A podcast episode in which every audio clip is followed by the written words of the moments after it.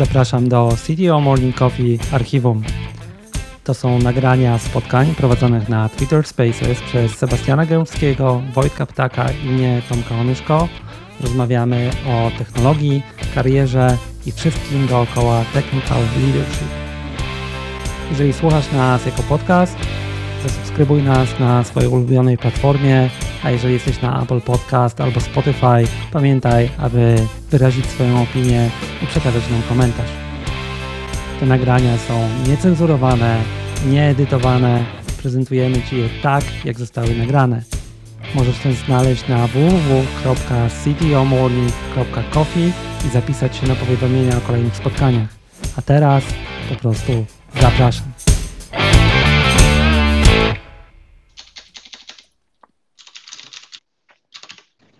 O, pojawiają się moi wspaniali kochości. Cześć, cześć. dalej działa. Witam wszystkich. Ale Twitter pozmieniał mi wszystkie ikony. Właśnie. momencie Nie wiedziałem, co się dzieje. Też się odnajduję. To jest fantastyczne właśnie. Ja ostatnio jestem mocno w świecie bardzo dużej ilości feature flag, AB testów i tak dalej. I po prostu jak widzę kolejną aplikację, która zmienia się co 15 minut, to mnie wzrusza naprawdę. Ale to jest czasami, powiem Ci, e, ten, e, w szczególności tutaj ostatnio mam coraz większe problemy z zaplanowaniem na przykład tych Twitter Spaces, bo za każdym razem wygląda to trochę inaczej. E, I te klawisze nie zawsze działają intuicyjnie. No Tak, dobra, tak. no może teraz z Elonem u steru e, ten kierunek będzie bardziej spójny. To jest ciekawe. A, to chyba osobny odcinek musimy zaliczyć. Tak, to przy, przy okazji właśnie, jak jeszcze czekamy, kupa ludzi dołącza, to słuchajcie, e, e, jakoś w ostatnim miesiącu właśnie pojawiła się pierwsza, uważam, fajna książka na temat tak zwanego, tak zwanej PayPal Mafia, czyli właśnie początków PayPala. E, Tam się zderzyło ze sobą kilka bardzo ciekawych osobowości, między innymi właśnie Elon Musk, o którym już parę książek akurat napisano, ale również Peter Thiel, o którym też parę książek napisano, ale powiedzmy niekoniecznie te wszystkie książki są pisane e, przez e, no, ludzi mu bliskich, o może w ten sposób, e, ale tam jeszcze parę innych ciekawych osób, takich jak Reid Hoffman. E, Więc e, książka niezła. Mm, Momentami można, można powiedzieć trochę drętwa, dlatego że jednak nie szuka sensacji na siłę, ale fajnie pokazuje e, ten konflikt bardzo mocnych charakterów e, w firmie, która rozwija się w takim astronomicznym tempie, jak to było na początku PayPala. Także polecam. Ja już przeszedłem, przeczytałem. Jak ktoś chce, może rzucić okiem na moją To recenzję. jeszcze na powiedz jaki, Fajna sprawa. powiedz jaki tytuł. A, to jest bardzo trudne, bo tytuł zapomniałem, ale tytuł to jest chyba Founders i jakiś podtytuł właśnie dotyczący już tam PayPala. Także tytuł jest mało rzucający się w oczy, szczerze mówiąc. Okej. E, Autor nazywa się Sony. Johnny Sony czy John Sony, coś takiego. Zupełnie nie kojarzę sobie. Dobra, teraz znajdę. No to ciekawe, bo to Brzmi dobrze. wyprodukowali kawałek rzeczy. Ale y, ruch Elona jest ciekawy. E, e, tak, no ja może powstrzymam się, zobaczymy jak będzie, bo ja nie jestem wielkim fanem tego, co robi, ale okej.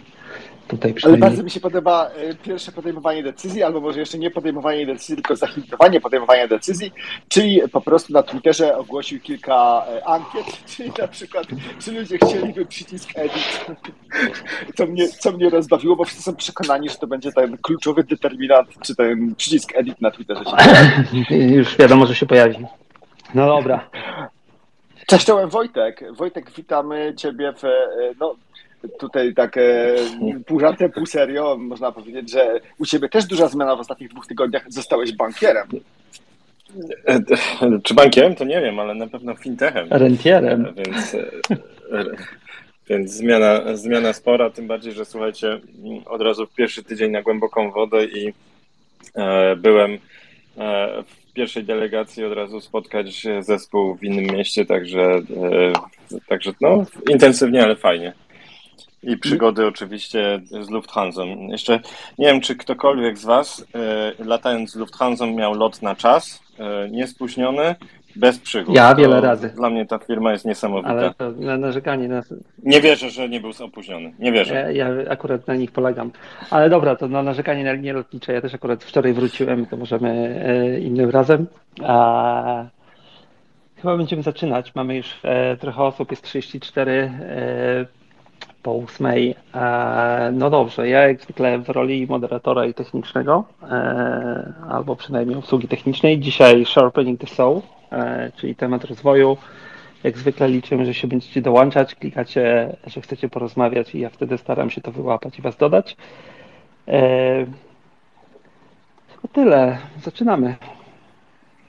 To co, to pierwsze pytanie, które przygotowaliśmy sobie na naszej liście pytań, takie w związku z tym, że e, rozwój wymaga pewnego planowania i zrozumienia, w czym się rozwijać, no bo w naszym zawodzie jest tyle tematów, jest e, tyle ciekawych meandrów i zakrętów, które można wykonać. E, no i tak naprawdę wszystko się oczywiście tym bardziej podwaja, troi i, i tak dalej w momencie, gdy zostajemy liderami i mamy do dyspozycji kilka różnych ścieżek, można by powiedzieć. Więc moje pierwsze pytanie, chłopaki, do Was i do całej publiczności oczywiście jest, czy planujecie sobie karierę, a jeżeli tak, to jak? Kariery czy rozwój? Bo to dwie różne rzeczy. Mm, dobrze, masz rację, rozwój. jedno się z drugim wiąże, ale jedno nie jest tak jakby wprost powiązane. Hmm, znaczy, ja powiem szczerze, ja kariery nie planowałem.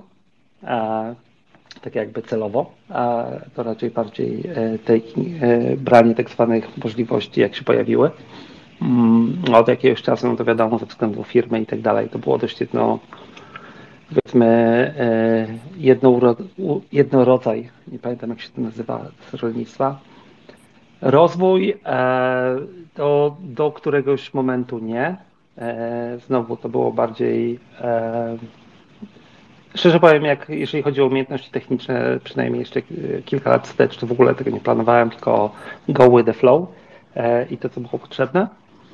Mm, a teraz, jak już też planuję, to bardziej rzeczy typu tak, to teraz sobie planuję na przykład tym chcę się rozpoznać, tego się chcę nauczyć, tutaj chcę wiedzieć przynajmniej co się dzieje i e, bardziej rzeczy nietechniczne planuję, tak?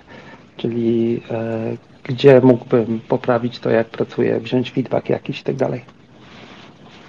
Mhm. Sebastian, a jak to u Ciebie um, wygląda?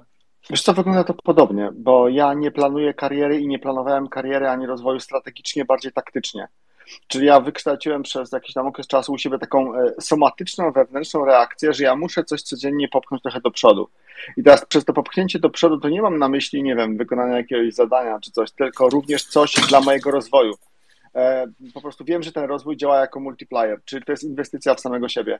Czyli ja codziennie, jeżeli czegoś nie zrobię, jeżeli nawet no, może być to totalnie głupia rzecz, nie wiem, zrobienie jakiejś jednej lekcji językowej w jakimś, ja lubię się uczyć języków obcych, więc jakimś języku, którego się na przykład uczę, albo e, zrobienie jakiejś, e, jakiejś jednej sekcji do egzaminu, do którego się przygotowuję, albo przeczytanie nawet jakiegoś takiego artykułu, powiedzmy, z jakiejś publicystyki, który uważam, że dla, będzie dla mnie wartościowy potencjalnie i rozszerza moje horyzonty. Jeżeli, jeżeli nie zrobię takiej jednej rzeczy dziennie przynajmniej, to po prostu czuję się praktycznie fizycznie chory. Ja mam taki swój w ogóle framework, kiedyś może go gdzieś w ogóle opiszę. E, on ma roboczą nazwę AUC. E, jego kluczowe, on ma trzy kluczowe elementy, nie będę się teraz rozwodził. Auć, tak, niestety to brzmi jak auć, tak, ale, ale tak to wyszło. Ale jednym z jego kluczowych elementów jest awareness.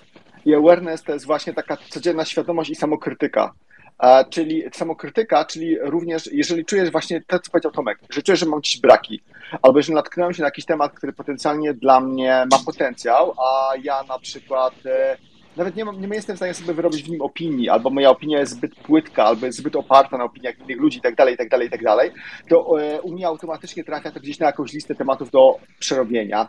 Mam jakąś taką listę curated sources of information, curated sources of information, które, z których potem korzystam, żeby takie luki zasypywać.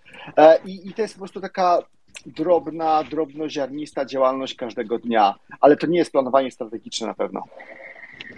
A znaczy, jaki jest jeszcze, mhm. czekaj, czekaj Tomku, bo jeszcze zostaliśmy U i C, jestem bardzo ciekaw, podziel się.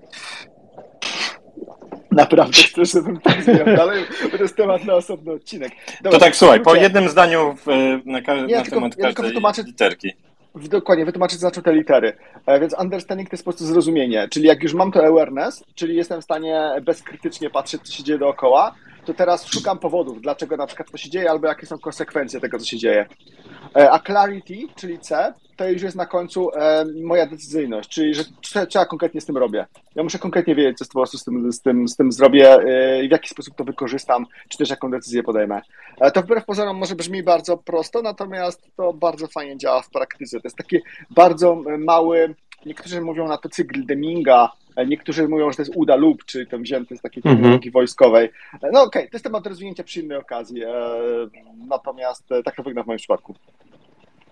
To u mnie to wygląda podobnie, tylko powiem, bo yy, ja mam akurat taką, czasami mówię wadę albo zaletę, znaczy ja, ja mógłbym spędzić cały dzień po prostu ucząc się, tak, albo czytając czegoś. Ja tu muszę y, szczerze hamować yy, i filtrować na to, żeby yy, wymyśleć, czy to mi się przyda, nie? Bo ja mam bardzo, otwieram bardzo dużo wątków takich Czyli to trochę ten twój auć, który powiedziałeś, bo ja otwieram dużo wątków, rzeczy, które o, to jest fajne, to jest interesujące, to jest to, nie?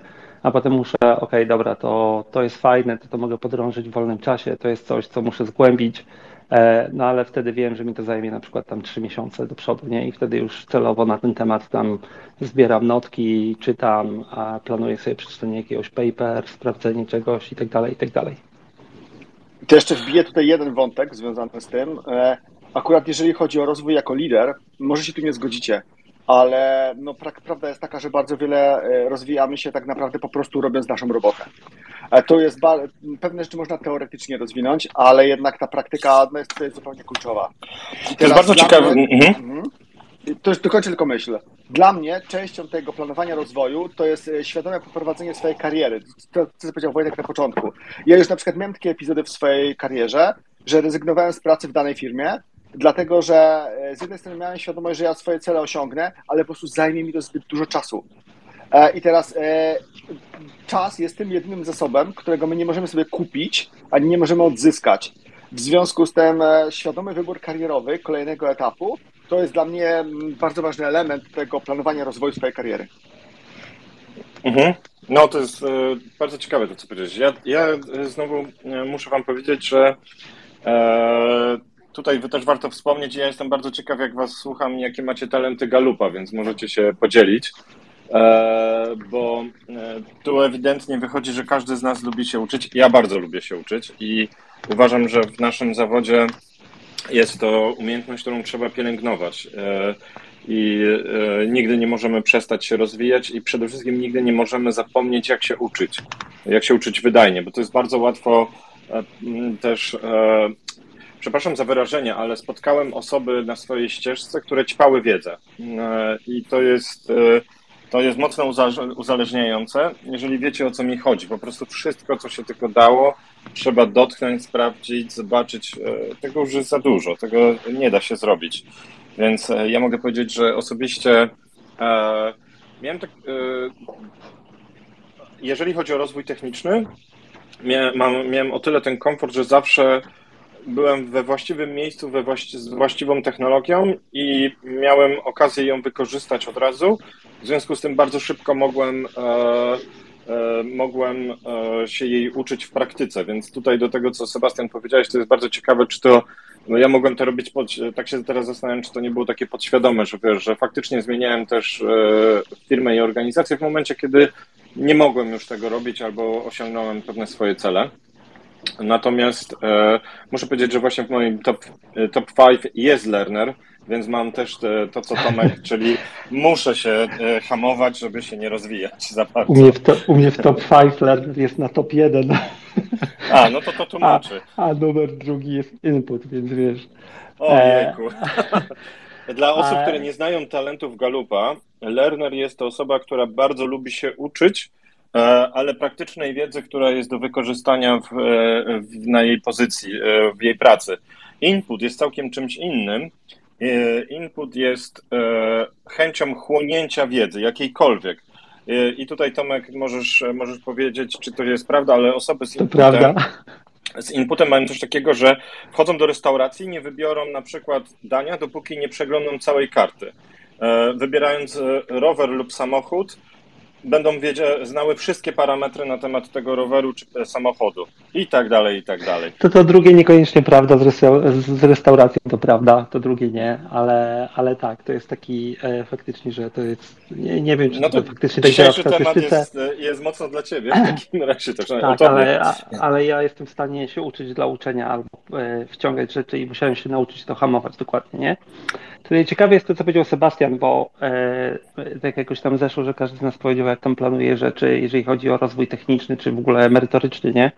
Ale to, co Sebastian powiedział, to ja potwierdzę ze swojej strony, nie? No bo teraz e, ta rzecz mniej miękka, e, mniej twarda, czyli miękka, bycie liderem, czy w ogóle praca z ludźmi i tak dalej, nie?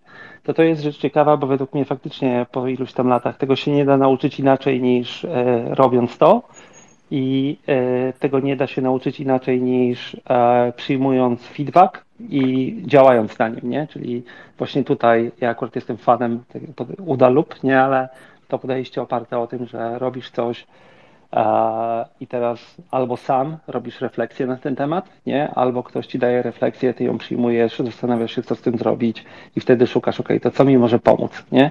Czy kurs, czy książka, czy człowiek, czy kolejna iteracja, zrobić to lepiej i wziąć feedback jeszcze raz, nie? A to jeszcze m, tak, żeby uzupełnić, e, Sebastian, Ty masz Lernera w top 5?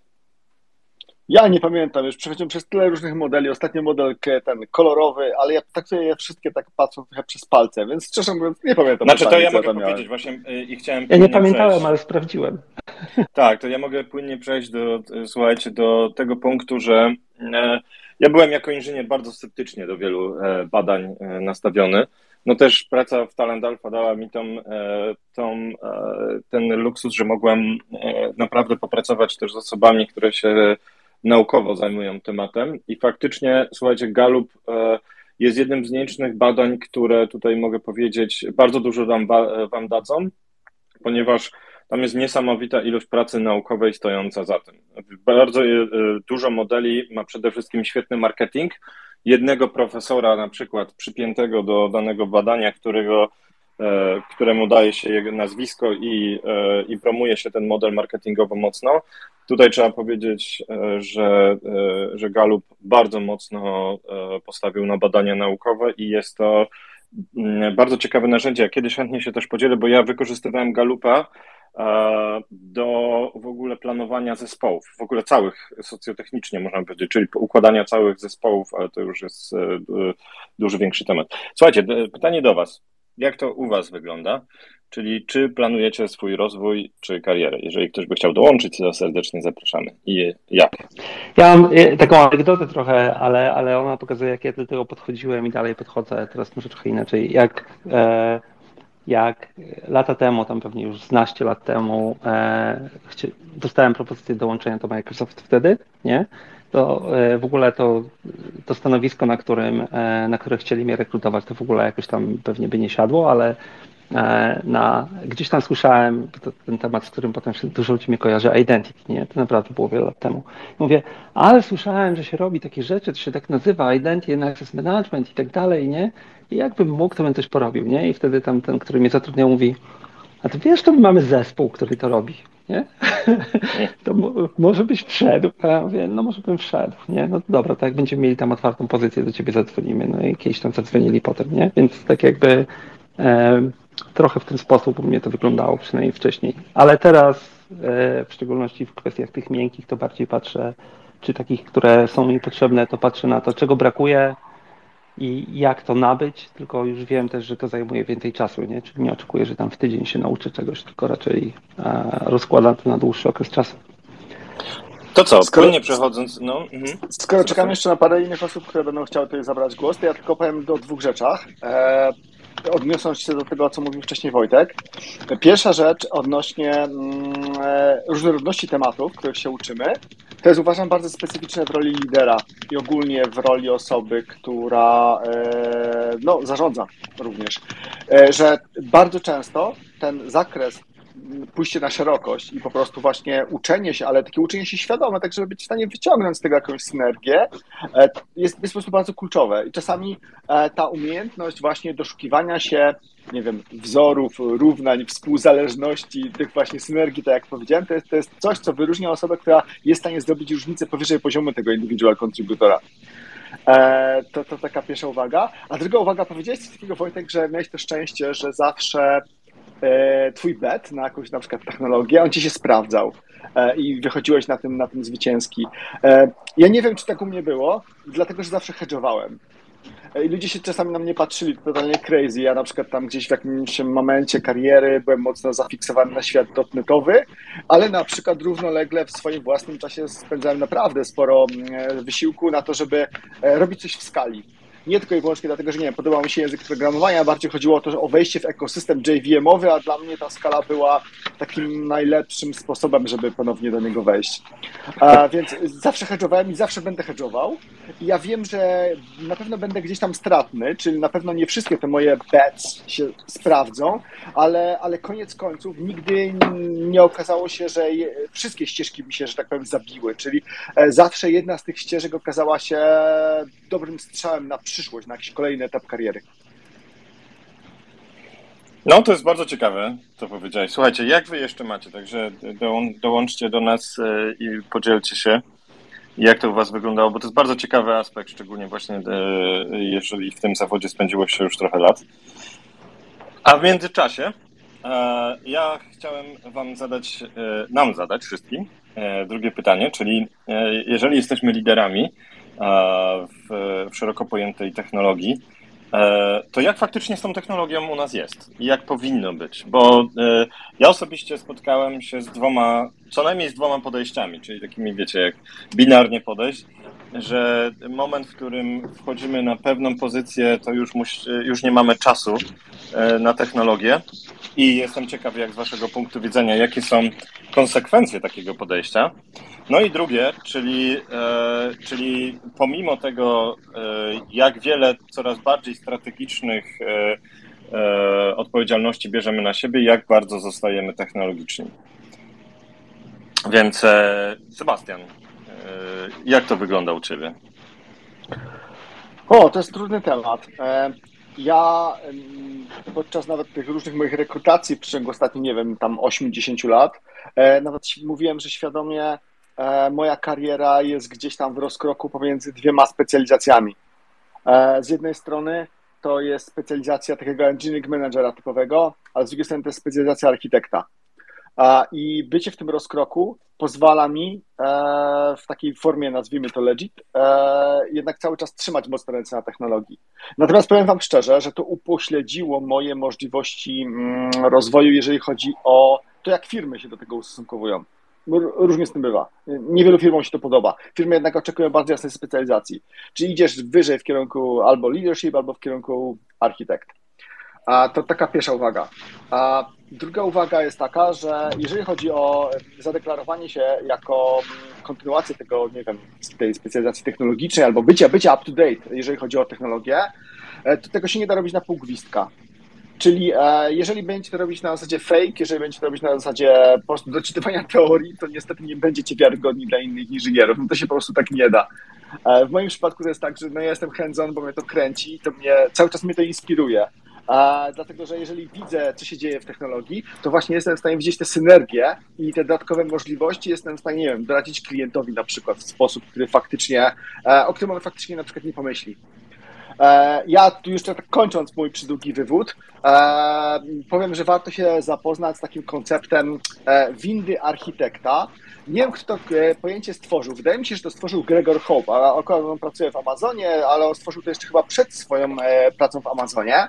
I ta winda architekta to jest taka mm, e, porównanie, do tego, że osoba technologiczna powinna być w stanie, zwłaszcza na jakimś takim już liderskim poziomie, powinna być w stanie spojrzeć na dany temat z perspektywy bardzo wysokiej, ale również bardzo niskiej. To jest to leadership principle w Amazonie, który się nazywa deep dive. Czyli jeżeli nie będziesz w stanie wejść głęboko w szczegóły dla jakiegoś konkretnego tematu, to po prostu nie będziesz wiarygodny, nie będziesz w stanie nawet dać feedbacku ludziom, którzy pracują nad tą technologią. A jak nie będziesz w stanie dać im feedbacku, to możesz się tłumaczyć, że okej, okay, ja im ufam, ja na nich ten temat deleguję, ale tak koniec końców ludzie potrzebują tego feedbacku, bo potrzebują czuć, że ich praca ma znaczenie. Więc jak dla mnie, nie, w mojej roli, w tym co ja robię przez ostatnie tam 20 lat, to nie, no niestety ja nie mogę stać się nie wiem, content free, jak to niektórzy mówią. A, więc dla mnie ta, ta wiedza technologiczna jest kluczowa, a nabywa się ją właśnie poprzez bycie w jakimś sensie hands-on. Dobrze. Ja tak, się dodam do tego później. ja tylko dodam jedną rzecz. E, polecam faktycznie e, wygooglowanie sobie e, Architect Elevator. Jest świetne podsumowanie u Martina Fowlera. No i architektelevator.com, jeżeli będziecie chcieli wiedzieć coś więcej. Dobra, ja mam swoją opinię, potem ją użyję, a na razie Tomek czeka w kolejce, więc dajmy gościom naszym głos. Dzień dobry wszystkim. Ja mogę powiedzieć no, ze swojej wiadomo perspektywy, e, gdzie kiedyś robiłem jako deweloper. E, teraz się śmieję, że jak ja zaczynam programować u nas w projektach, to nasi deweloperzy krzyczą i mówią, że Tomek nie. E, natomiast faktycznie takie czucie, trzymanie ręki na pulsie, gdzie co się dzieje w danej technologii, w których działamy, nawet tych dookoła, niekoniecznie tych korowych, no jest potrzebne, wiadomo. E, jeżeli przechodzimy w liderowanie, zarządzanie ludźmi, e, technologią, e, no to nie możemy być, jak to się mówi potocznie, jednym tyłkiem na kilku weselach, ale no musimy przecież trzymać jakąś wiedzę. Jeżeli wchodził nagle Docker albo wchodziły chmury, no to to zmieniało w ogóle podejście, rozwiązania i teraz tak, można zrzucić to na swoich ludzi, że to tak brutalnie powiem, ale wtedy my tracimy tą całą e, wiedzę. E, ja wychodzę z założenia osobiście, że patrzę na bieżąco, co się dzieje w danych technologiach, które mam w zespole. E, staram się robić nawet wrzutki zespołowi, takie brutalne, typu a sprawdźcie tą technologię, a porozmawiajmy o tym. Nawet wiedząc, że to się nie, do niczego nie przyda, to jednak powoduje taką dyskusję, na której i u mnie ludzie się w zespole uczą czegoś e, i ja się uczę, bo e, wiadomo, można siedzieć e, w tych internetach, patrzeć, próbować samemu, ale takie działanie samemu czasem, czasem nas szufladkuje, czasem zakłada takie klapki na oczy na pewne rozwiązanie, które zobaczyliśmy. Więc e, ja osobiście uważam e, właśnie, że tak, trzeba mieć rękę na pulsie, ale nie można też, e, też samemu przy tym po prostu siedzieć. Robert? Hej wszystkim. Generalnie też powiem, jak zazwyczaj z mojego doświadczenia w sumie wygląda i wydaje mi się, że jednak dość często jednak problem jest w sumie taki, że Wiadomo, kto najczęściej jest awansowany na wyższe pozycje mm, w leadershipie? No, najlepsi deweloperzy. I pewnie dużo osób się zgodzi, że ok, to, że ktoś jest najlepszym deweloperem, prawdopodobnie na bardzo dużym, mm, wielkim prawdopodobieństwie no nie będzie on najlepszym menadżerem. No nie, wydaje mi się, że jakbyś koń, często kończy to tym, że teoretycznie ktoś, kto był faktycznie super deweloperem, on no okej, okay, on chce po prostu dalej zostać dobrym deweloperem, niby jest menadżerem ludzi, ale wydaje mi się, że wtedy dość często brakuje jednak tej części, której faktycznie menadżer, to menadżer powinien robić. I wydaje mi się, że mm, co tak bardzo mocno we mnie rezonowało, to tak było to pisane w książce Radical Candor. Generalnie według mnie ta książka jest w ogóle jedna z ciekawszych pozycji, jaką ostatnio czytałem jako e, dla liderów i tak dalej. I teoretycznie, jeśli część z Was nie zna tej książki, albo przynajmniej kojarzy sam koncept, to teoretycznie jakby książka jest tylko o koncepcie dawania feedbacku i tak dalej, w praktyce według mnie ta książka jest mega napakowana różnym kontentem Między innymi e, kojarzę tam właśnie taki dość fajny cytat, że mm, w momencie, kiedy zostajesz menadżerem, to no, no sorry, ale musisz troszkę między czymś wybrać. Nie? W sensie już prawdopodobnie nie jesteś indywidual, indywidual kontributorem. W momencie, kiedy stajesz tym bohaterem, który nagle rozwiązuje problemy teamu, jest faktycznie tak mocno hands-on, no to de facto zabierasz jakby swoim dyrektom e, raz, że autonomię w pewnym sensie, a dwa, jakieś możliwości uczenia się. I wydaje mi się, że to mega często się dzieje i też e, pewnie część z Was kojarzy newsletter od mm, pana Orosza, Pragmatic Coder i tam też, jeśli ktoś z Was czyta, był w jednym z nich wrzucono taki fajny schemat, że Mm, de facto można podzielić naszą pracę na takie trzy obszary. Pierwszy obszar to building software, czyli no po prostu planowanie kodu, planowanie pracy i tak dalej. Druga część to strategy and alignment, czyli e, jakieś e, synchronizowanie się z różnymi grupami w firmie i tak dalej. A trzecie to people management. Generalnie jakby tak to było tam dość pokazane, że prawdopodobnie jesteś w stanie robić dwie z tych rzeczy dobrze naraz. To znaczy, jeśli na przykład robisz building software i strategy alignment, to prawdopodobnie jesteś staff engineerem. Jeśli robisz strategy and alignment i people management, to prawdopodobnie jesteś engineering managerem, a jeśli tworzysz software i jesteś managerem, to prawdopodobnie jesteś tech leadem. I też fajnie jest zaznaczone na tym schemacie, że prawdopodobnie jak robisz wszystko to, no to coś poszło nie tak, no i coś na pewno cierpi. No tak jak mówię, z mojego doświadczenia zazwyczaj to wygląda faktycznie tak, że cierpi faktycznie ten people management. No i wydaje mi się często to się kończy tym, że faktycznie mamy jakiegoś heroesa, który faktycznie próbuje robić wszystko, a z drugiej strony mamy pod tą osobą jakiś team, który po prostu się nie rozwija. No i wydaje mi się, że wtedy okej, okay, no mamy tego jednego superheroesa, ale to w pewnym, w pewnym momencie to się nie skaluje jednak, no bo wiadomo, możemy mieć jednego heroesa, ale taka osoba nie jest w stanie też budować teamu i nie jest w stanie go e, rozwijać w długim terminie, no i też wiadomo, no, po prostu ci ludzie będą odchodzić w jakimś czasie. Także to wydaje mi się, w miarę trochę się pokrywa z tym, jak ja na początku do tego podchodziłem, bo też generalnie muszę się, że tak powiem, wyspowiadać, że tak powiem, bo też myślałem, że okej, okay, to wszystko da się robić naraz, ale moim zdaniem jednak się nie da. Jakby z tego czegoś trzeba zrezygnować, to musi być, wydaje mi się, dość świadoma decyzja, że okej, okay, chcemy iść w people management, okej, okay, idziemy w to, ale to też wydaje mi się, ważna kwestia, że no też nie każdy ma do tego predyspozycję. Ja spotkałem w życiu kilka osób, które faktycznie potrafiły rozwój swojego teamu dać ponad swój rozwój, bo wydaje mi się, że, jak mówię, jak faktycznie jesteś technicznym wymiataczem, to kurde, no jednak trochę to jest ciężkie, no nie? W sensie, okej, okay, wiesz, że powinieneś jednak dać swojemu teamowi szansę do rozwoju, ale z drugiej strony, no coś tak jednak trochę tam boli, no nie? Jakby, a też z drugiej strony, jak czujesz, jak tego nie robisz, no to, jak mówię, faktycznie coś swojemu teamowi odbierasz, także wydaje mi się, że też chętnie usłyszałbym, jak to u innych wygląda, ale to może, doświadczenia to bardzo często się... może ja bym się wpiął tutaj? Chyba Sebastian coś chciałeś dodać, tak? Dajesz, dajesz. Dobra, e, ja bym się chciał wpiąć, bo akurat moje myślenie jest trochę w okolicy tego, co Robert powiedziałeś, aczkolwiek nie zgodzę się z jedną rzeczą, to znaczy e, nie awansuje się najlepszych deweloperów, albo inaczej awansowanie najlepszych deweloperów to jest e, często droga do dużej porażki nie? No tak, ale się to robi mimo wszystko czasem.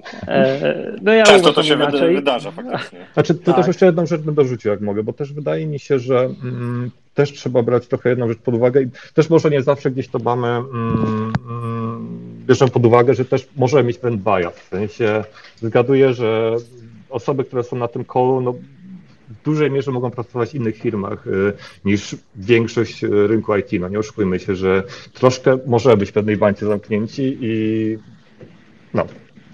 Znaczy wiesz co, y, to pociągnę tylko to chwilę. Tutaj akurat fajny, fajnie to jest opisane w innej książce The Manager's Path, ona już często się pojawiała, bo awansowanie po prostu kogoś, kto jest dobrym deweloperem, to jest krzywda dla niego Dlaczego? Bo to jest całkiem inna robota niż bycie dobrym deweloperem, nie? Więc yy, na przykład u siebie w firmie mogę powiedzieć, że te osoby, które są liderami i tak dalej, to niekoniecznie są najbardziej, naj, najlepsze osoby technicznie, nie? A, I może dzięki temu, bo nawet mamy taki przykład, że jednym z lepszych dla nas project ownerów jest dziewczyna, która technicznie nie jest może super, ale dzięki temu polega na tych technicznych ludziach, nie? I super nimi zarządza. Teraz co do, co do tego bycia te, technicznie hands-on, to ja sobie zrobiłem taki e, mental model, żeby pewnie uzasadnić swoje podejście, nie? bo tak jest łatwiej. Ale mi się wydaje, że to się bierze, że tutaj każdy z nas w którymś momencie ma taką, takie miejsce, w którym dojdzie do takiej trudności. Nie? Na czym ona polega? No bo my jak zaczynamy swoje kariery, jeżeli jesteśmy w technologii, no to budujemy swoją personę dookoła tego, że jesteśmy dobrzy technicznie, nie? albo że jesteśmy, e, wiesz, inżynierami, nie? I teraz rozwijasz się, rozwijasz i dochodzisz do takiego momentu, w którym faktycznie musisz sobie powiedzieć, że ja już nie będę najlepszą osobą w pokoju, albo to ja już nie będę umiał tego wszystkiego rozwiązać, nie? E, no i to boli w głowie, nie? I teraz e, według mnie na, na ścieżce rozwoju takiego lidera w technologii, to każdy, kto świadomie chce wybrać, że chce być tym liderem, czy tam engineering manager, jakkolwiek to nazwiemy tech leadem, dojdzie do takiego punktu, w którym będzie musiał sobie po prostu przejść w głowie, tak jak w Pulp Fiction, nie wiem czy pamiętacie taki fragment, jak tam było to twoja ambicja i zdusią w sobie, nie? No to trzeba będzie przełknąć tą taką pigułkę pod tytułem ok, to może ja już nie chcę być tylko osobą techniczną i być najlepszy technologicznie, najle osobą, do której wszyscy przychodzą i mówią umiesz to rozwiązać, nie? Ale dalej, i tutaj się w pełni zgadzam z tym, co wy mówiliście, w tej pracy, którą my robimy, odstawienie całkiem tego na bok, to nie wchodzi w grę, nie? To znaczy nie znałem nawet tego Architect Elevator, ale tu się zgadzam, nie? Że wiesz, że y, trzeba wiedzieć, co robisz, trzeba y, być w miarę hands-on, nie wiem, przynajmniej do tego poziomu, żeby tą technologię przeczytać i potem zrobić lab, zobaczyć, jak jej użyliśmy i tak dalej, nie? E, ale ja bardziej widzę wartość w tym, że dokładasz do tego zrozumienie, dlaczego to tak robisz, nie? Czyli ta górna część tej, e, tej, e, tej windy. Więc ze swojego punktu widzenia to tak, ja na przykład dalej technicznie e, siedzę, uczę się, rozpoznaję rzeczy, ale na przykład patrząc na rzeczy do przodu, tak jak nawet w tej części a, Identity, którą się zawsze zajmowałem, teraz tam patrzę na jakieś rzeczy, jak zacząłem się uczyć programowania w jakimś innym nowym języku, nie? A, ale już nie stawiam sobie celu, żeby znać wszystkie nitty gritty details, nuts and bolts i wiedzieć, jak tam rozwiązać bardzo szczególny problem, który wychodzi tylko raz na tysiąc przypadków. Nie? Gdzie kiedyś to potrafiłem po prostu. No to też doprecyzować, bo jakby też nie chodziło mi o to, że powinniśmy awansować faktycznie najlepszych deweloperów do menadżerów, no bo faktycznie to nie jest zdrowe. Z drugiej strony no, też przynajmniej no, trochę zależy, bo wydaje mi się, że to też może jest to problem polskich firm bardziej, że jednak drabinka rozwoju często kończy się na y, poziomie senior i potem, no kurde, no co, co już nie zrobić? No, no to dobra, no to menadżer i tak dalej. Jakby to, to jest złe jak najbardziej, no nie? Tym ba ale też y, wydaje mi się, że był dość ciekawy przykład, y, może część z Was też kojarzy artykuł, on bodajże się nazywał Being a Glue, czyli to była nawet prezentacja i to też jest dość ciekawe, że właśnie też wychodzi na to, że w większych firmach to bardzo często to może być problem, że jednak często w teamie są jednak takie osoby, które, ok, może nie robią tej takiej, mm, wiadomo, takiego mięcha, że nie wypluwają mm, ton kodu i tak dalej, a z drugiej strony robią jakąś taką pracę, która jest ważna, bo jakby ona ten cały team trzyma w ryzach, jakby załatwia jakieś takie drobne rzeczy, które blokują rzeczy mm, ale mimo wszystko to nie jest często y, praca, która jest promowana i na przykład, no nie wiem, podniesie OKR-y czy coś w tym stylu. Nie pamiętam, w której firmie ta dziewczyna sumie to pracowała, ale jakby no, to był trochę jej problem, że ona właśnie robiła bardzo dużo jakby takiej ważnej pracy, ale ona była taka jakby nie była tak bardzo widoczna. No nie? I to wydaje mi się też jest gdzieś ciekawy aspekt tego, że często faktycznie gdzieś może takie osoby umykają i no jednak faktycznie często koncentrujemy się na tym mię mięsie, że tak powiem, ale te osoby, które nie do końca może faktycznie robią tylko to mięso, też są bardzo ważne jednak. No. Mhm. Artykuł nazywa się, tylko powiem, artykuł nazywa się Being Glue i na blogu No Idea Blog. Tak. Dzięki. Słuchajcie, strasznie fajne uwagi odnośnie tego, tej kwestii technicznej. Ja myślę, że trzeba rozróżnić dwie rzeczy że bycie hands-on wcale nie oznacza, że produkuje się kod, który trafia na produkcję. Ja już nie pamiętam, ile lat temu ostatni raz stworzyłem kod, który trafił na jakąkolwiek produkcję. Natomiast no, moja rola, jeżeli ja mam gdzieś za coś wziąć accountability, mam być tym liderem, mam ludzi poprowadzić, no to muszę przynajmniej być w stanie ich challenge'ować. To jest tak, że zaufanie zaufaniem, natomiast no, gdzieś koniec końców oni też wierzą w to, że jeżeli jest jakaś luka w ich rozumowaniu, to ja będę w stanie im pomóc tym moim doświadczeniem. E, także wydaje mi się, że te rzeczy trzeba rozróżnić, czyli e, bycie hands-on na zasadzie e, chociażby umiejętności zadawania dobrych pytań, a bycie hands-on na zasadzie takiej kontrybucji już ala individual contributor. Wydaje mi się, że to są cały czas te dwie diametralnie różne rzeczy. To ja tutaj dodam jeszcze, y, że bardzo bym się z Tobą, Sebastian, zgodził, tym bardziej, że pewnie wiele osób się tutaj ze mną zgodzi, że nie ma nic gorszego niż techniczny menadżer, który podejmuje decyzje techniczne, który nie jest w stanie później przeczytać kodu i zrozumieć, czy zespół wykonał to, na co się umówiliśmy, czyli chociażby to, co jest klątwą wielu, wielu firmach, czyli niekodujący architekt. To może nie być oficjalny tytuł, ale osoba, która podejmuje decyzje architektoniczne i nie jest w stanie, tak jak powiedziałeś, już nawet zweryfikować, to jest takie minimum, a zgodzę się e, z Tobą absolutnie, że challenge'ować nawet zespół, czy to był najlepszy techniczny możliwy sposób do wykonania tego, na co się umówiliśmy, więc jak najbardziej się tutaj zgodzę. Ja też bardziej, mogę... E, ja tylko hmm? tak wejdę, bo ja uważam, że e, dzięki temu jesteś w stanie zadać inne pytanie czy to był najlepszy sposób biznesowy rozwiązania tego, niekoniecznie najlepszy technicznie.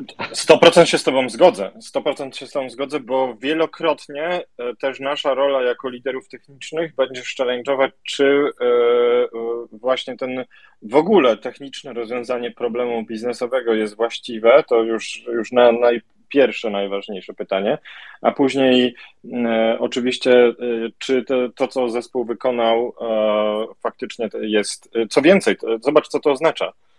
Jeżeli ja nie jestem w stanie zweryfikować ani challenge'ować swojego zespołu, to ja też nie jestem w stanie go rozwijać. Realnie rzecz biorąc, też tak uważam. I szanuję, szanuję osoby, które potrafią pomimo, mm, pomimo wiecie, tych kolejnych szczebli kariery, potrafią e, być na tyle faktycznie hands-on, żeby czytać e, chociażby pull requesty, dać komentarz, móc zrobić review architektury. Więc taka, taka, taka ciekawostka. Słuchajcie, to co? To pytanie kolejne. Rozmawialiśmy o twardych umiejętnościach. Jak jest z miękkimi? Czyli jak w, szczególnie na pozycji lidera e, technologicznego, technologii, jak na pozycji, e, e, no tutaj nazwijmy CTO, tech leada, heada i tak dalej, rozwijać umiejętności miękkie, w co wy inwestujecie? Tomek, może teraz ja do ciebie skieruję to pytanie.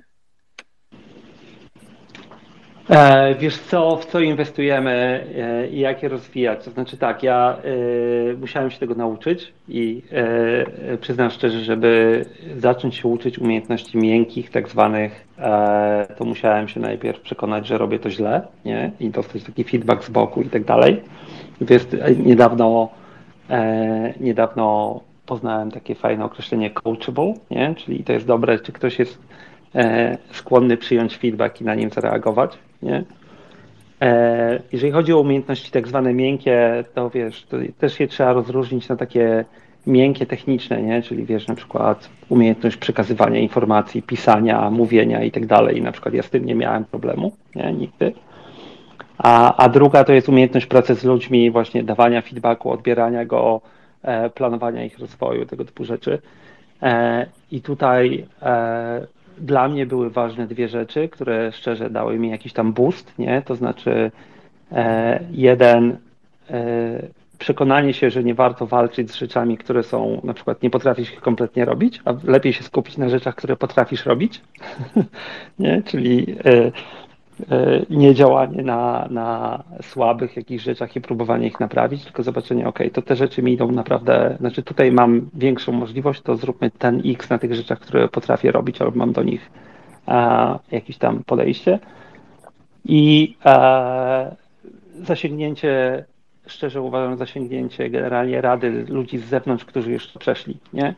Czyli ja uważam, że jeżeli chcemy się nauczyć jakichś rzeczy typu a, nie wiem, właśnie praca z zespołem, planowanie tego rozwoju ich, dawanie feedbacku, rozmowy z ludźmi i tak dalej, to najlepiej jest robić przez z kimś, kto cię pokieruje, czy nazwiemy to mentor, coach, czy nawet jakieś takie ad hoc sesje, czy właśnie peers w firmie, do którzy tam Robert e, wspomniał tą książkę Radical Candor, którzy nie mają problemu z powiedzeniem ci e, słuchaj stary, to robisz źle, zacznij robić to inaczej, ja to robię tak, nie?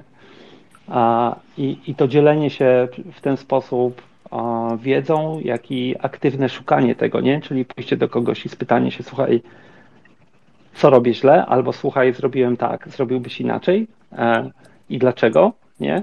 I to jest dla mnie największy boost, jeżeli chodzi o te rzeczy. I oczywiście w tle są jakieś książki, możliwe szkolenia i tak dalej. My na przykład każdego lidera w firmie wysyłamy na jedno tam standardowe szkolenie, takie po prostu menedżerskie i tak dalej. Ale dla mnie to jest największy sposób na to, żeby je rozwinąć. Nie? Czy moje podejście do tego. Sebastian, Wojtek? E, no właśnie, bo ja też chciałem się spytać pozostałe osoby. E, także jeżeli macie, macie jakieś haki, jak siebie rozwijać e, miękko, to też dajcie znać. Widzę, że jeden z gości podnosi rękę. Mike, czy Mike chciałeś zabrać głos w tym temacie? Dzień dobry.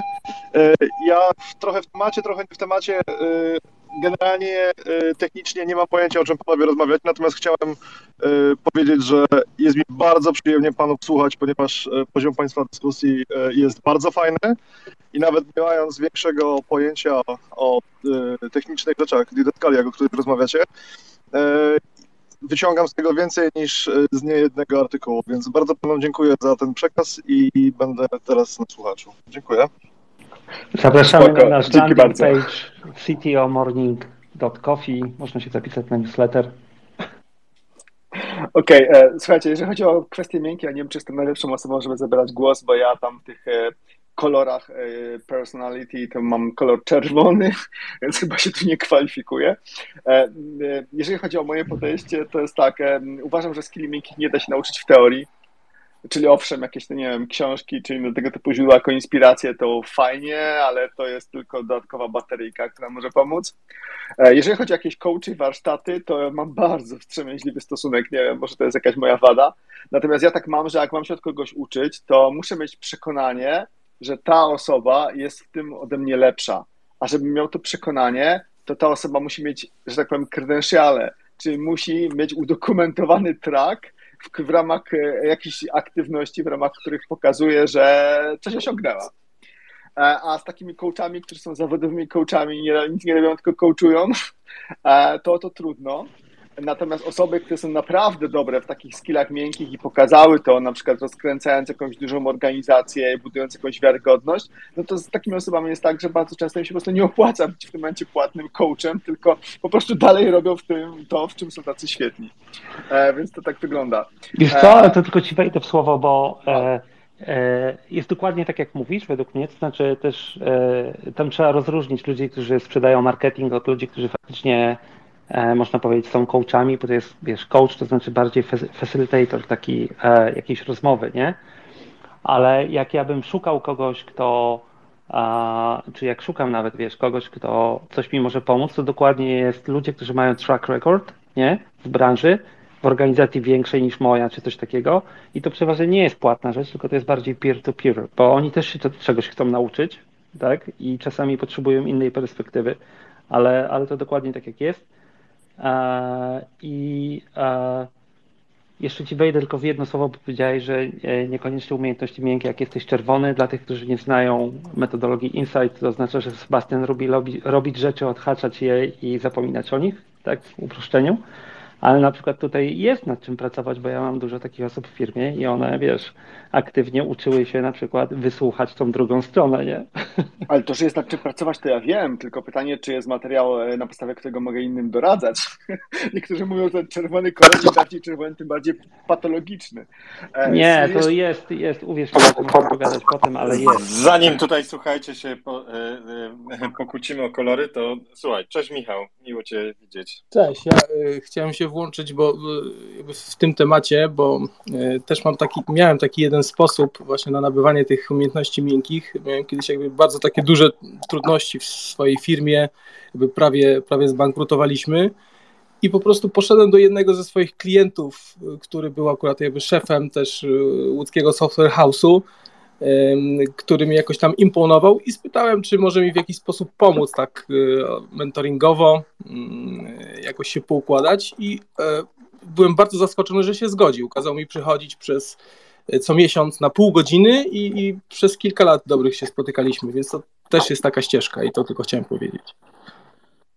A to jest dokładnie to, o czym mówiłem i to jest bardzo, według mnie, my za mało robimy tego w branży, a to dokładnie tak działa, tylko e, bo ja też to obserwuję u siebie i to jest po prostu wyjście poza swój bąbelek. Akurat ja z tym powiedzmy mam jakiś tam e, problem. Ten bąbelek trzeba sobie e, aktywnie rozszerzyć i spytanie się innych ludzi, nawet wprost, słuchaj, mam takie coś, jak to robisz? Nie?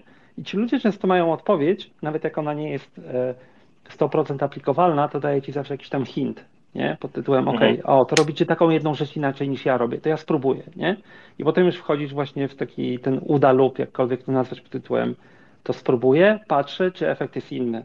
Jak jest inny, ok, to czy jest dobry. Jak jest dobry, to kontynuuję i patrzę, co dalej zmieniać, nie? Obserwowanie innych w akcji, tak, to zgadzam się zupełnie. Ja pamiętam, że kiedyś byłem na naprawdę dużym projekcie i duże projekty to raczej jest patologia.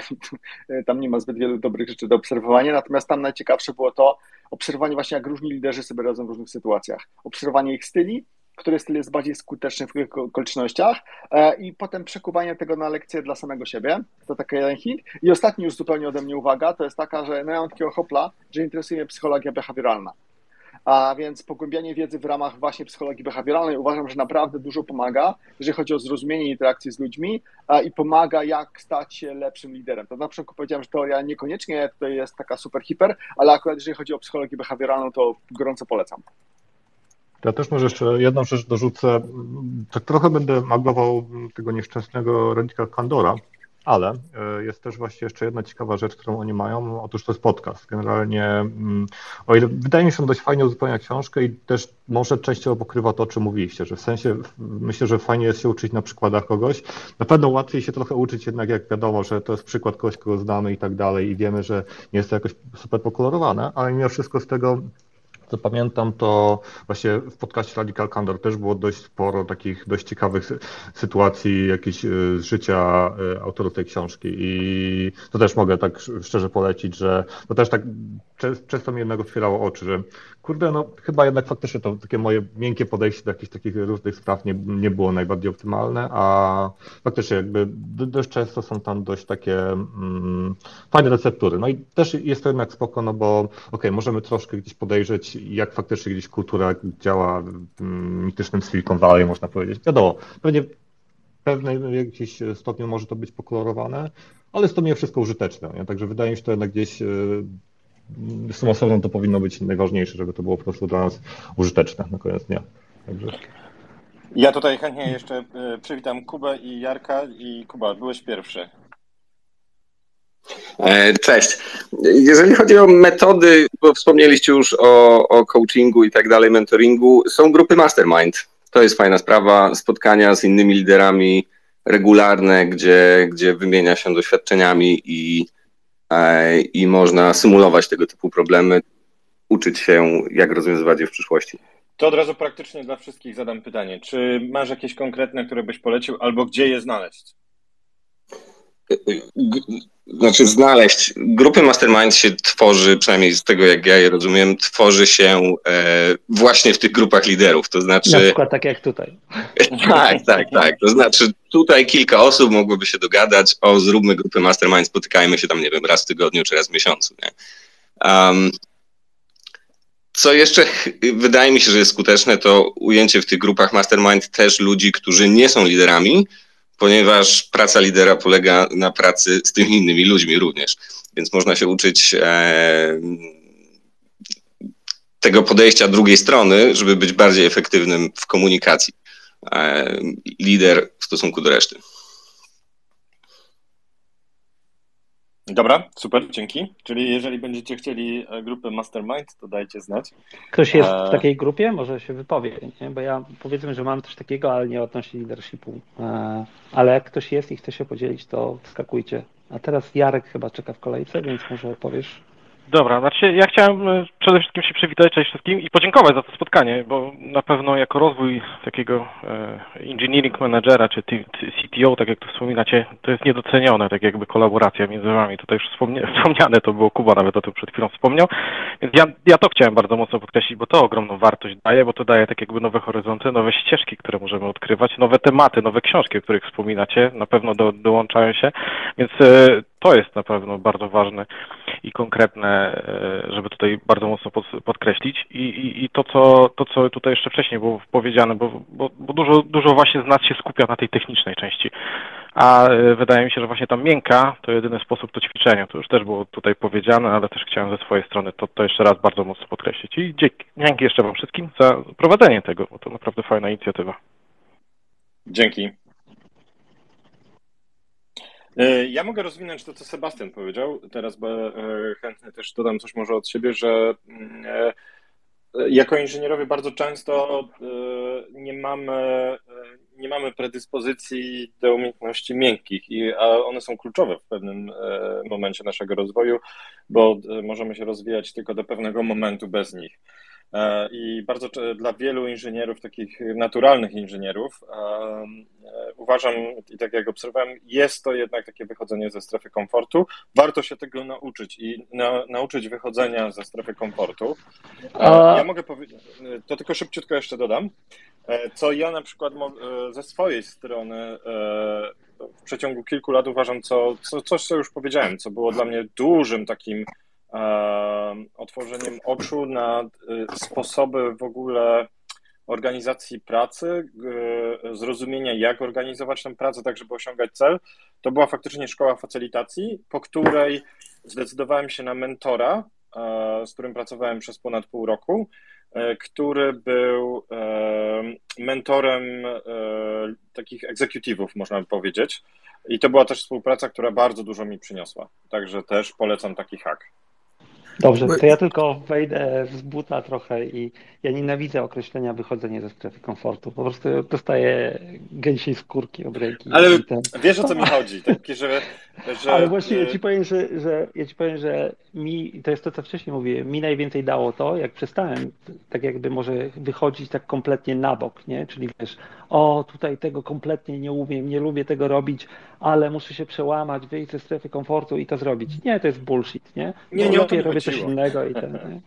Wiesz co, bo ja bym przedstawił trochę inną perspektywę tutaj w odniesieniu do tego, co powiedział Wojtek, bo też sobie kiedyś dałem wmówić, że inżynierowie nie mają e, kompetencji miękkich albo mają niższe, no ale z drugiej strony, no pewnie tutaj wy i też, nie wiem, wasi, wasi ludzie w waszych zespołach, no macie żony, dziewczyny, więc no to nie jest prosta sprawa namówić obcą kobietę do wciśnięcia się w ciasną sukienkę, przyjścia do Urzędu Stanu Cywilnego czy gdzieś, więc chyba jakiś tam zestaw kompetencji miękkich potrzebnych do dobrego funkcjonowania w społeczeństwie, to, to wydaje mi się, że wszyscy mają e, inżynierowie i wydaje mi się, że ten problem to chyba jakoś trzeba inaczej ująć. Mnie się wydaje, że, e, że jakby mm, naturalne jest, że jak ktoś pracuje w jakimś e, obszarze, to tam się tworzy jakby pewna taka komitywa, gwara branżowa i gdzieś tam wychodzenie poza, tą, poza ten obszar jest trudny, więc być może chodzi o to, o to skupienie inżynierów i zagęszczenie w jednym miejscu i oni mają jakby trudność poprzez tą gwarę branżową jakby w dogadywaniu się z biznesem,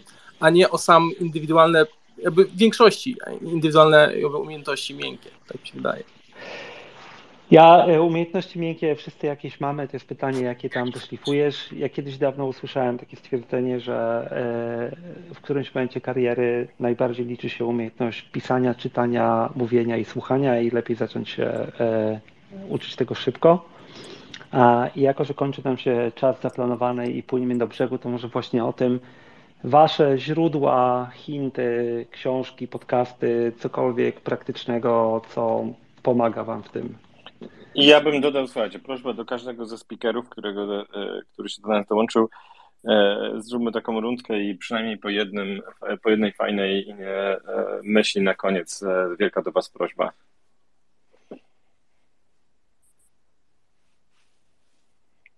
Dobra, to słuchajcie, może Sebastian zacznij, bo na pewno masz parę fajnych, fajnych hintów. Wszyscy myślą, ok. E, dobrze, jeżeli chodzi o takie mm, rzeczy, które mnie pomogły, w jakimś sensie mnie zainspirowały, czasami niekoniecznie merytorycznie, ale zainspirowały, to jest kluczowe słowo, zainspirowały, e, to nie wiem, czy kojarzycie, jest taka seria książek e, faceta, który się nazywa Jocko Willing. On część z tych książek popełnił ze swoim kolegą Life'em Babinem. To są żołnierze. To są byli Navy SEALs ze Stanów Zjednoczonych i oni piszą o, ownership, o nie tylko ownershipie, ale oni piszą przede wszystkim o leadershipie, z perspektywy żołnierskiej. I ta perspektywa czasami się strasznie różni od tego, z czym my mamy do czynienia na co dzień, no bo jednak u nich jest gdzieś jakaś misja, jest jakieś braterstwo już naprawdę na takim bardzo wysokim poziomie, to jednak no nie oszukujmy się, to, to nie do końca tak wygląda u nas w przypadku naszej pracy zawodowej, w ten sposób pracą zawodową często. Natomiast e, uważam, że to jest całkiem fajne źródło inspiracji i ono rzeczywiście się przydaje. Pierwsze trzy książki tego duetu są naprawdę fajne, Potem to już jadą bardzo szeroko i tam zaczynają wymyślać, jakaś pojawia się beletrystyka, więc sobie darujcie, ale pierwsze trzy książki, czy tam jest Extreme Ownership, z tego co pamiętam, i chyba, aha, jeszcze Dychotomia Leadershipu. E, uważam, że są naprawdę fajne. A z innych rzeczy dotyczących leadershipu, które mogą fajnie zainspirować, jest też taka książeczka, e, którą kiedyś polecał mi jeden z kolegów właśnie z branży, Turn the Ship Around, czy Zawróć swój okręt. A to jest książka o okręcie podwodnym, już w e, epoce po II wojnie światowej, który gdzieś tam na początku e, kręcił się w najniżej, gdzie się tylko dało w rankingach floty Stanów Zjednoczonych, ale okazało się, że wymiana kapitana i takie bardziej powiedzmy e, otwarte podejście do leadershipu znacząco było w stanie wiele rzeczy zmienić. I tam rzeczywiście jest taka mm, e, sekcja po prostu, można powiedzieć, leadershipu, na czym leadership polega, w jaki sposób można faktycznie swojej załodze coś tam więcej dać, wnieść. I znowu, to jest, e, gdzieś jest jakaś narracja taka, no może nie wojenna, ale militarna, ale uważam, że te wartości przekazane są uniwersalne. E, inne fajne źródło, które pozwala obejrzeć leadership w praktyce, to jest, zawsze będę to rekomendował po prostu przy każdej możliwej okazji. I to jest film dokumentalny e, o ostatnim sezonie Chicago Bulls z Michaelem Jordanem, czyli e, tam chyba tytuł był The Last Dance, czy coś takiego. I on niesamowicie pokazuje cenę sukcesu niesamowicie pokazuje, że ten zespół, mimo tego, że był zespołem najlepszym, to tam wcale jednorożce za przeproszeniem nie strały tęczą i wszystko się nie układało wspaniale i pięknie, tylko że zawsze, żeby osiągnąć naprawdę świetny rezultat, musi być pewnego rodzaju presja. Presję też trzeba umieć nakładać. Ta presja musi być zdrowa, musi być pewne granice, musi być pewnego rodzaju social contract, który ten lider ustali i inni muszą chcieć grać z tym liderem na tych samych zasadach. To jest moim zdaniem totalnie mega. E, I jeszcze ostatnia moja uwaga, to już nie jest inspiracja, to nie jest źródło, ale taka porada dla Was. E, jak czytacie o leadershipie, jak patrzycie na różne źródła o leadershipie, bardzo często pojawia się takie podejście jak servant leadership, czyli taki służebny leadership. E, ja wiem, że to jest temat pewnie na zupełnie osobny odcinek, natomiast moja sugestia jest taka, żebyście się nie dali do końca porwać tej, tej retoryce, bo ona jest, uważam, że w wielu przypadkach wręcz szkodliwa a, i nieskuteczna. Ale Jak zwykle balans. Balans. Tak, jak zwykle balans, dokładnie tak. Sztuka, y, y, całe życie to jest sztuka balansu i te, również jest, tak samo jest w tym przypadku. E, I już się zamykam, bo pewnie wyczerpałem połowę naszego pasma. To zanim, I... Tomek, zanim ty, to jeszcze może Michał Kuba i Robert. Ja szybko dodam, że Extreme Ownership to jest chyba biblia każdej dużej firmy Big Tech i, i u nas jest tak samo, ja również polecam. Ja mogę sprzedać mały hint, e, bo ja trochę hakuję czytanie tych książek biznesowych, których jest dosłownie setki ja korzystam z Blinkista. To są takie skróty e, książek kilkominutowe. Zazwyczaj rano przy kawie czytam sobie jeden, jedną, dwie książki. To, to trwa jakieś 5-10 minut. E, I w momencie, gdy co najmniej trzy znajome osoby polecą mi daną książkę, to wtedy czytam pełną wersję, albo wtedy skrót mi się bardzo spodoba. Okej, okay, to ja może polecę trochę z innej strony, bo wydaje mi się, że no, jednak leadership w dużej mierze to jednak jest powiedzmy, że troszkę przekonanie może innych osób do tego, czemu to, co robimy, ma sens. Więc pamiętam, że chyba w jakimś poprzednim odcinku, że tak powiem, padł już y, Simon, Simon Sienek i Start with Why, ale wydaje mi się, że to też jeszcze jest ciekawe y, i chyba nie padło. I trochę może nie do końca e, jest to e, o książka o leadershipie, ale jest to książka Resonate od Nancy Rate. I ona e, troszkę jest bardziej o prezentacjach i o storytellingu. A wydaje mi się, że to też jest ważna część jednak tego, że jednak wiadomo, gdzieś wszystko to jednak łączy się trochę z tym, że gdzieś musimy troszkę ludzi spróbować przekonać, że okej, okay, coś ma sens i wydaje mi się, że jednak to ma dość duży wpływ na to i dość dużo to w tym pomaga. Mimo, że jak mówię, nie jest to trochę wprost powiązane z tym. Ja bym od siebie dorzucił, że e, jakkolwiek jakby doceniam wartość lektur, to jednak leadership chyba jest coś, czym się, co się wydarza między, między jakby ludźmi, więc e, ja, ja mam taką jakby przekonanie, że jedną książkę wziąć, ale ją po prostu do głębi e, przetrawić i próbować jakby w życie wcielić i gdzieś tam robić sobie jakieś takie indywidualne przeglądy, jak to mi idzie, bo, bo nauka chyba jednak jest w, w terenie, a nie przed książką. Dzięki. Jak to mówią w amerykańskich filmach, Amen brother, amen. Tak? Dobrze, chyba będziemy sterować do końca. E, mamy 33. E... Ogromnie Wam dziękujemy za dzisiejszą dyskusję. Tomek, to może jeszcze my zamykający jakiś e, po jednym, po jednym punkcie. Wiem, że będzie ciężko, ale chociaż spróbujmy.